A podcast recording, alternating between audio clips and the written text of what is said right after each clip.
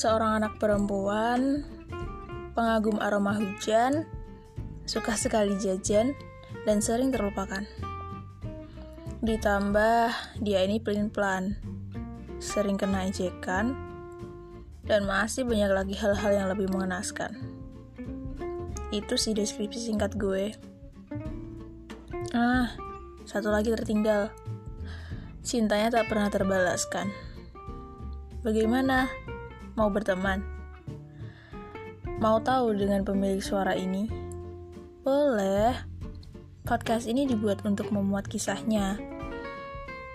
Agak klise sih, tapi semoga menghibur kalian ya.